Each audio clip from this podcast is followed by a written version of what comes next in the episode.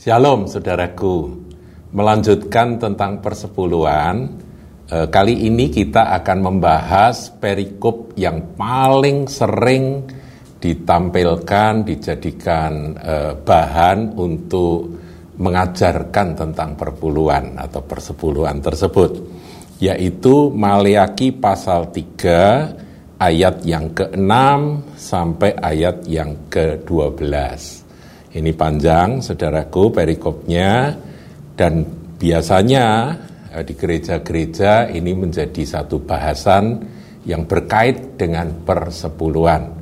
Jadi kalau kemarin kita sudah mempelajari tentang seperti apa sebetulnya persepuluhan itu dipraktekkan oleh orang Israel pada zaman Musa, Nah, kemudian sampai pada zaman Maleaki, saudaraku, uh, ini ada peringatan kembali tentang persepuluhan.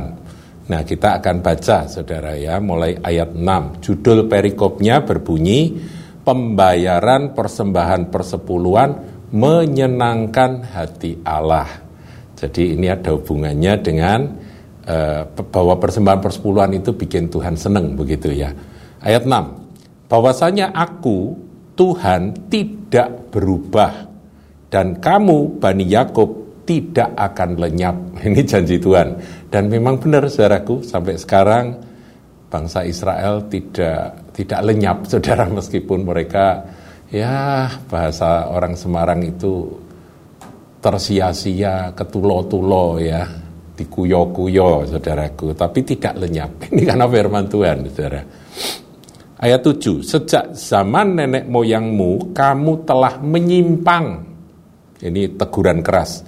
Sejak zaman nenek moyangmu kamu telah menyimpang dari ketetapanku dan tidak memeliharanya.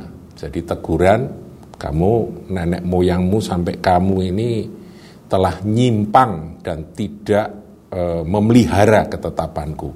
Kemudian kembalilah kepadaku, ya ini panggilan undangan dari Tuhan, kembalilah kepadaku maka aku akan kembali kepadamu.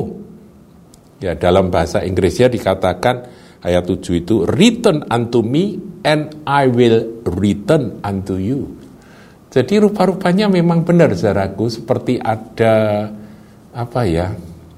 Saya pernah sampaikan sebuah istilah it takes two to tango. Ya jadi ada dibutuhkan dua pihak untuk menari tango. Saudara tahu tari tango tari yang sangat rancak itu ya tari yang sangat dinamis itu itu dibutuhkan akan keaktifan dari dua belah pihak. Demikian hubungan kita dengan Tuhan itu juga demikian. Tuhan punya ketetapan umatnya melakukan dengan sukacita maka Tuhan akan bekerja begitu ya. Selalu ada uh, apa hal yang sifatnya timbal balik.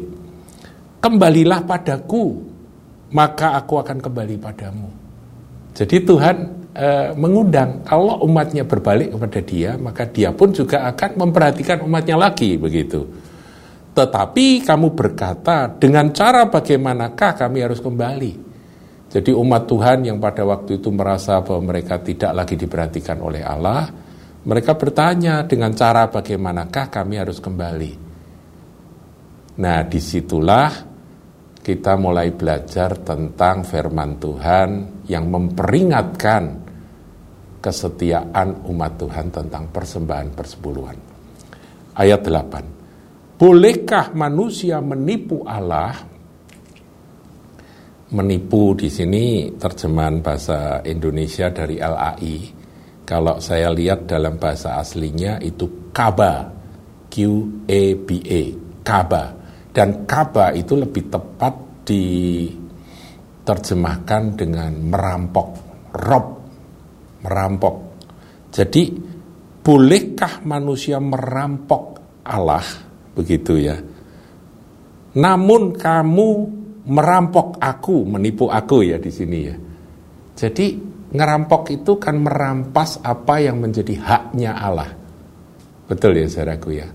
Jadi kalau perampok itu ada orang bawa apa itu punya sepeda motor dibegal kemudian sepeda motornya diambil itu ngerampok saudaraku nah kata itulah yang dipakai kaba itu ngerampok rob nah bolehkah manusia merampok Allah ya mestinya nggak boleh saudaraku ya namun kamu merampok aku kata Tuhan artinya haknya Tuhan kamu rampok tetapi kamu berkata, dengan cara bagaimana kami menipu engkau? Menipu ya, di sini pakai menipu, tapi merampok engkau. Dengan cara bagaimana kami merampok engkau?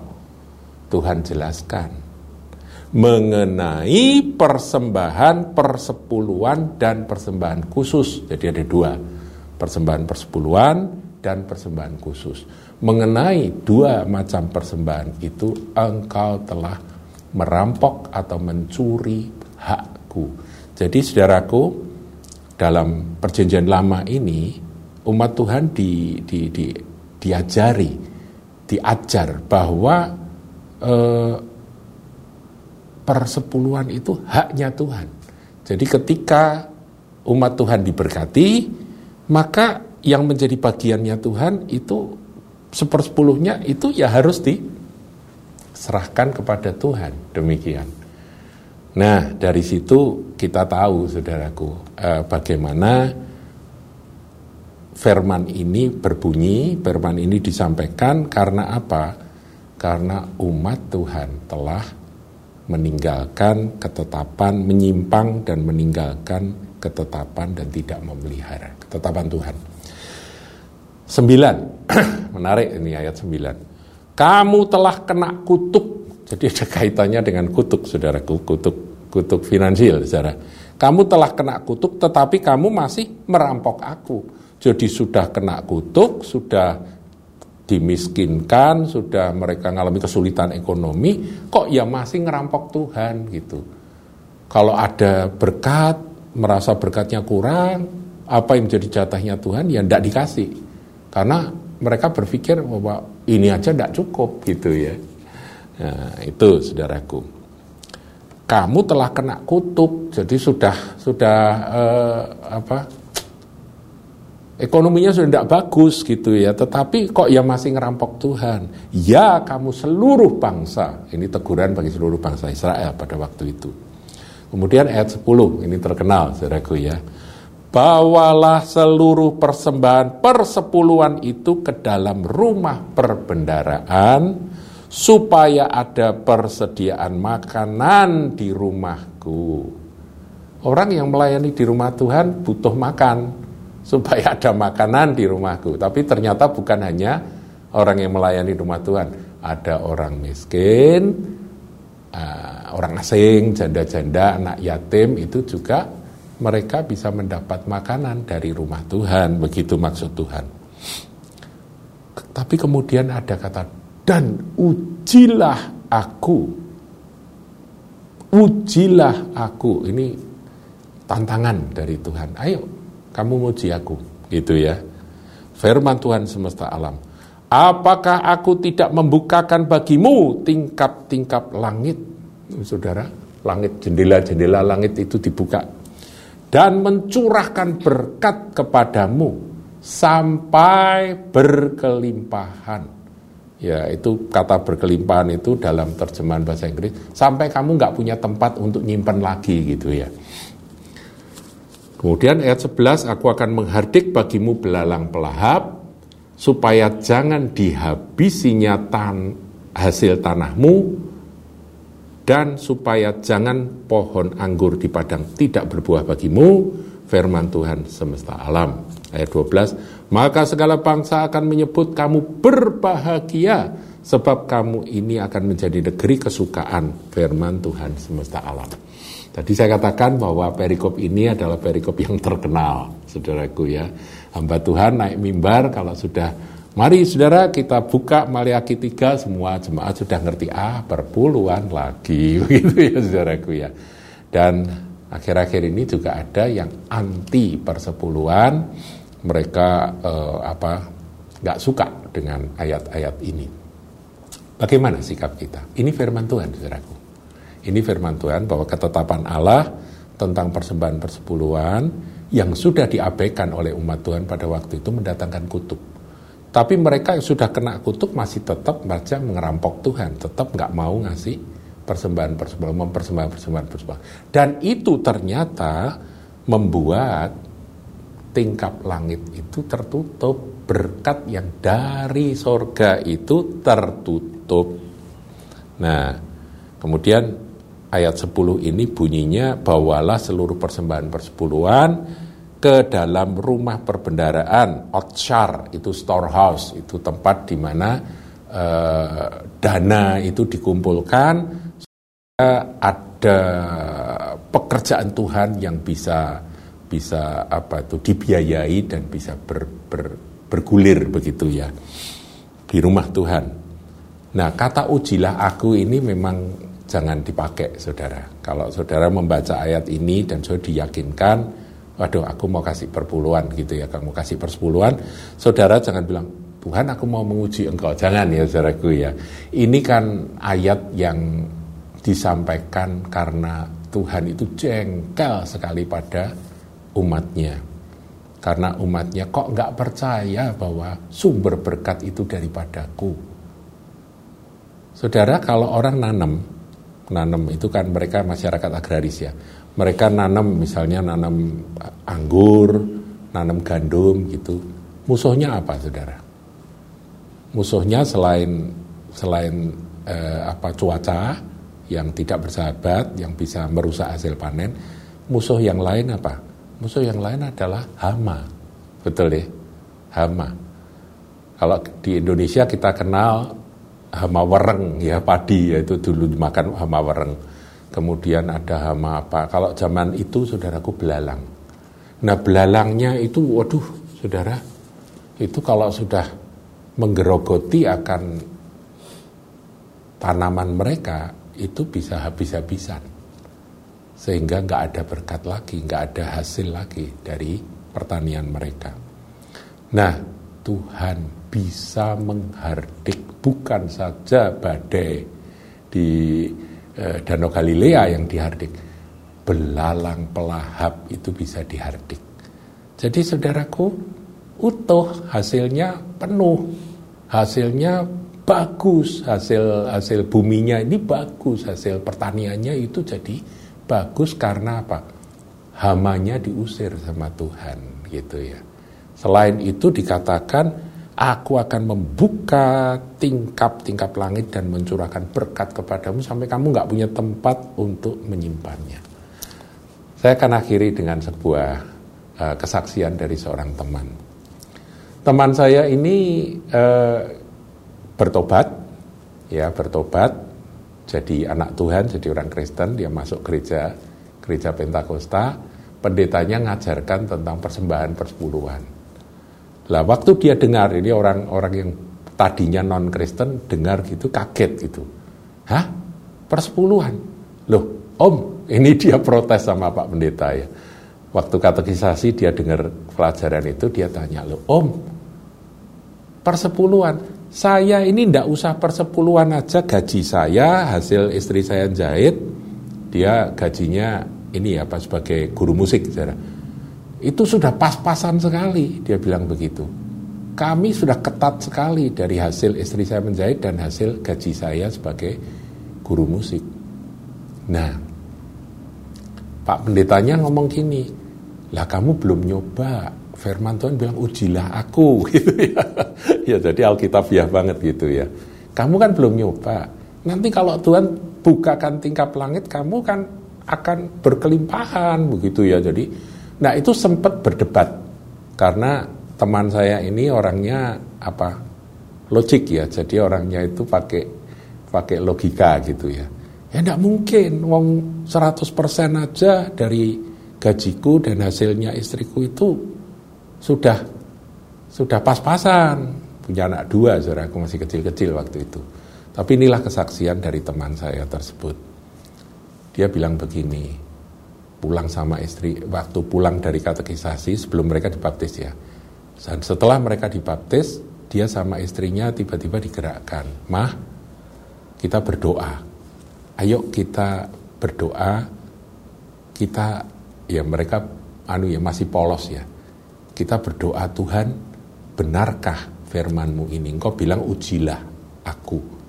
Ya, kita persembahkan yuk persepuluhan dari hasil gajiku dan hasil dari uh, hasil kamu jahit ya istrinya kan jadi tukang jahit saudara.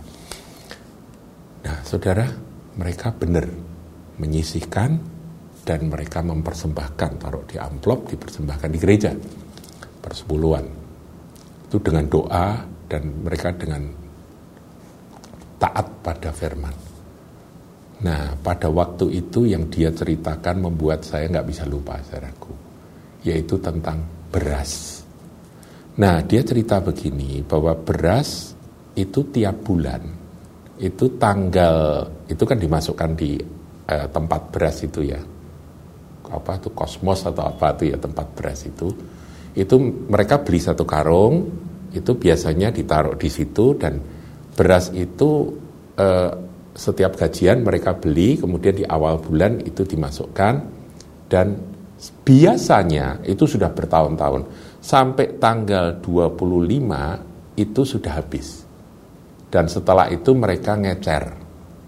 Ngecer saudaraku ngecer uh, beli satu kilo satu kilo begitu ya.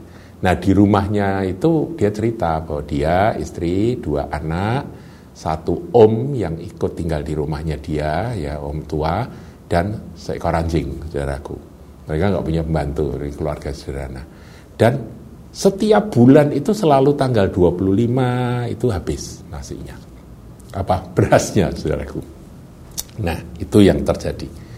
Setelah mereka memberikan persepuluhan itu sampai tanggal 30 tanpa sadar itu nggak habis berasnya. Lah, malam hari suaminya ini manggil istrinya, "Ya, Mah, ini beras kok kita nggak ngecer ya bulan ini. Biasanya tanggal 25 kita sudah beli di warung ya." Iya, Pak. Kenapa ya? Apa ini ada hubungannya dengan persepuluhan yang kita berikan? Ini kisah nyata, saudaraku ya. Nah, kemudian istrinya bilang, mungkin mah, bukankah firman Tuhan katakan bahwa Tuhan akan membuka tingkap langit dan mencurahkan berkat.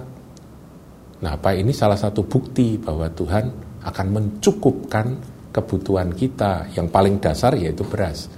Nah, ta, tanggal 25 sampai lewat sampai tanggal 30 mereka sadar, tanggal 31 mereka buka, biasanya sudah beli, saudaraku tanggal 31 itu akhir bulan uh, langganan yang ngirim beras itu satu karung itu datang, dia buka, loh kok masih banyak?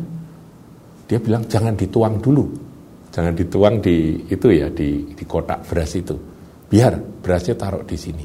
Kita mau lihat dan benar saudaraku, mereka evaluasi, loh apakah bulan ini kita sering makan di luar? sering makan. Enggak, kita bulan ini nggak makan luar, tapi kita sering beli lauk. Dan kalau beli lauk, makannya lebih banyak karena enak gitu ya. Karena lauknya membuat nafsu makan lebih banyak. Anak-anak juga makannya tambah-tambah. Oh gitu ya. Berarti mestinya habis itu tanggal 25. Seperti bulan-bulan yang lalu. Nah, saudaraku, akhirnya mereka sepakat, yuk kita lihat Saudara tanggal 1, tanggal 2, tanggal 3, tanggal 4, tanggal 5, tanggal 6, tanggal 7, tanggal 8 tidak habis. Tanggal 9, tanggal 10 baru habis.